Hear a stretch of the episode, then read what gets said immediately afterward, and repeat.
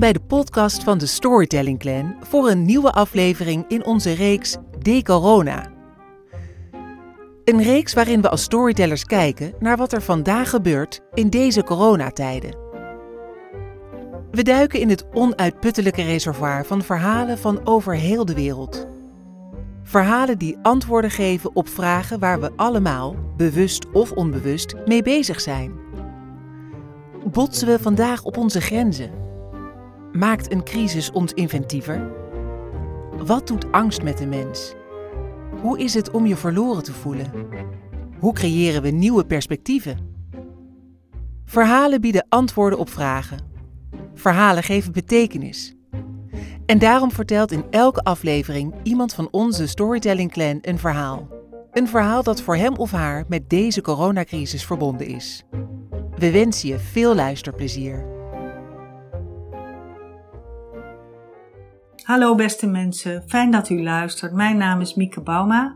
Ik ben auteur, docent, storyteller, oprichter van de Storytelling Academy.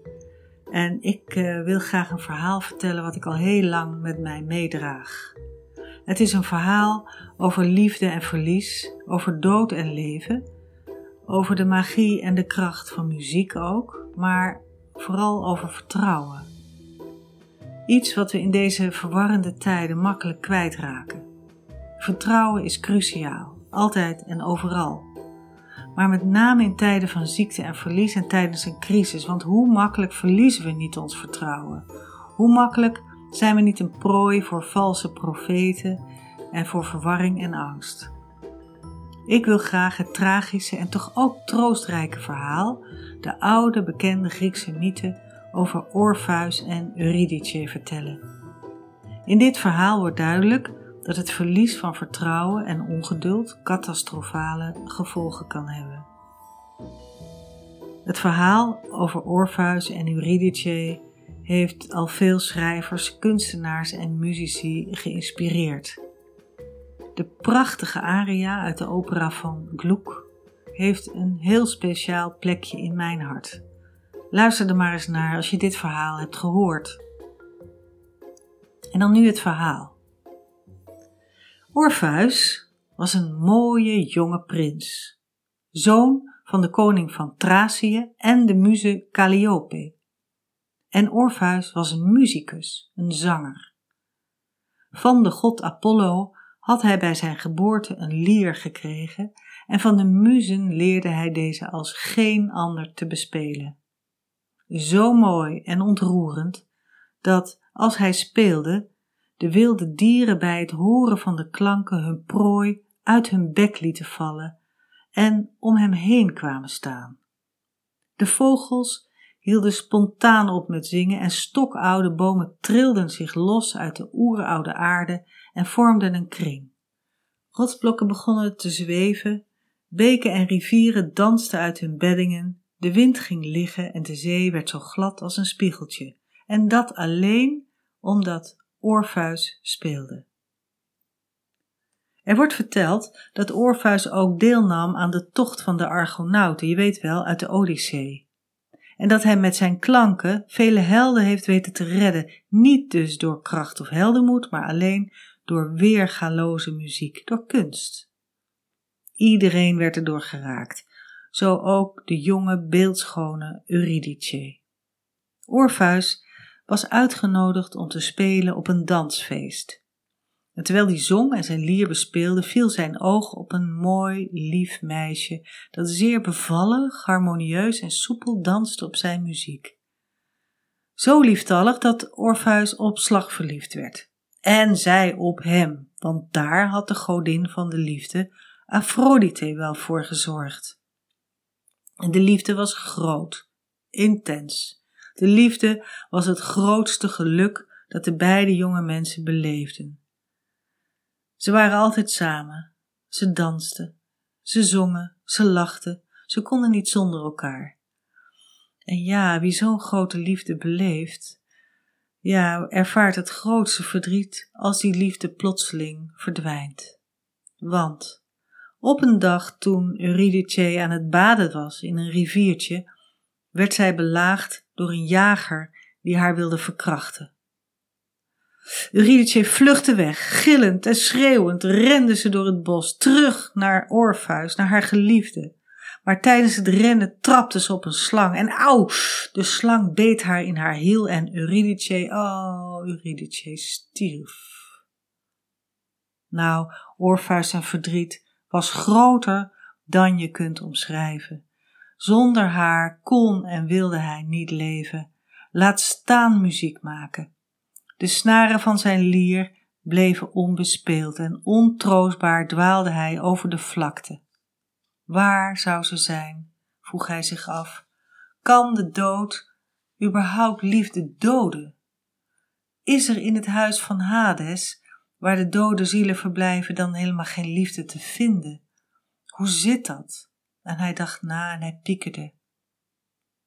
En toen besloot hij het onmogelijke te doen. Hij besloot Eurydice terug te halen uit het dodenrijk. Hij pakte zijn lier en ging op pad.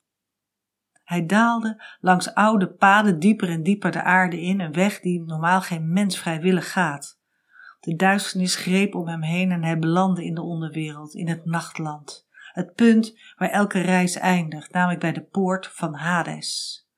En daar, waar normaal geen levend wezen te vinden is, begon hij te spelen. Zo hartverscheurend, zo beeldschoon, dat hij daarmee de veerman Garon onmiddellijk betoverde. Garon zette de dode zielen over, over de rivier de Styx, en nam Orpheus mee in zijn bootje en zette hem af op een weiland met graflelies. Orpheus voegde zich tussen de dode zielen die zich naar de ingang van de onderwereld begaven. En Orpheus speelde. De helle hond Cerberus met zijn drie koppen stopte met blaffen en liet hem door. En ineens stond hij daar, Orpheus, voor de troon van Hades. Een gouden troon in een zaal bezet met diamanten en robijnen, met groene smaragden en blauwe saffieren. Orpheus boog diep voor Hades en zijn lieftallige gamalin Persephone en hij pakte zijn lier en speelde. En alles, alles wat oren had, werd stil en luisterde naar deze klanken. Orpheus zong zijn lied over zijn liefde voor Eurydice en de zinloze leegte zonder haar. En Hades? Hij keek naar zijn Persephone en zij keek naar hem en toen het lied uit was, ja, biggelden er tranen over de wangen van Hades. En bij wijze van grote uitzondering gaf Hades Orpheus toestemming zijn geliefde Eurydice mee terug te nemen naar het land van de levenden. Laat het duidelijk zijn, sprak Hades. In principe keert niemand terug uit mijn dodenrijk. Maar ik zal Eurydice achter je aansturen. Hermes zal haar begeleiden en langs de donkere paden naar de uitgang tot ze weer boven is. Maar er is een voorwaarde. Kijk niet Als je omkijkt, is ze voor goed van mij. Vertrouw er nou maar op dat ze je volgt, dat de liefde sterk genoeg is. Wees niet bezorgd en wees niet ongeduldig. Nou, Orpheus was zielsdankbaar, knielde en dankte Hades uit de grond van zijn hart. En hij vertrok. Daar liep hij, terug naar het land der levenden, spelend op zijn lier. En Eurydice, ja, Eurydice liep achter hem aan, samen met Hermes. En Orpheus liep, maar begon zich stiekem zorgen te maken, want waren de goden nou wel eigenlijk te vertrouwen? Dat hield hem bezig. Wilde Eurydice misschien niet liever bij Hades blijven? Was haar liefde misschien ook gestorven? Liep ze eigenlijk wel achter hem aan?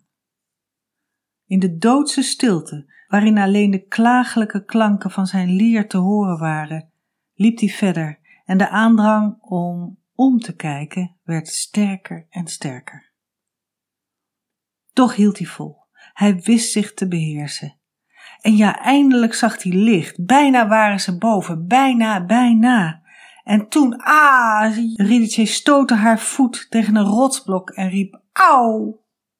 Waarop Orpheus in een reflex verschrikt omkeek en ai, ai, ai, ai, ai, daar gleed zij met een ijzingwekkende schreeuw terug de diepte in, terug in de dode aarde. Hé, hey, riep Hermes, nu is je kans verkeken. Orpheus schreeuwde het uit. Hij tastte in het duister, maar vond haar niet. Hij kon haar niet meer vinden, hij kon niet meer terug. Het pad was afgesloten, zijn kans was verkeken.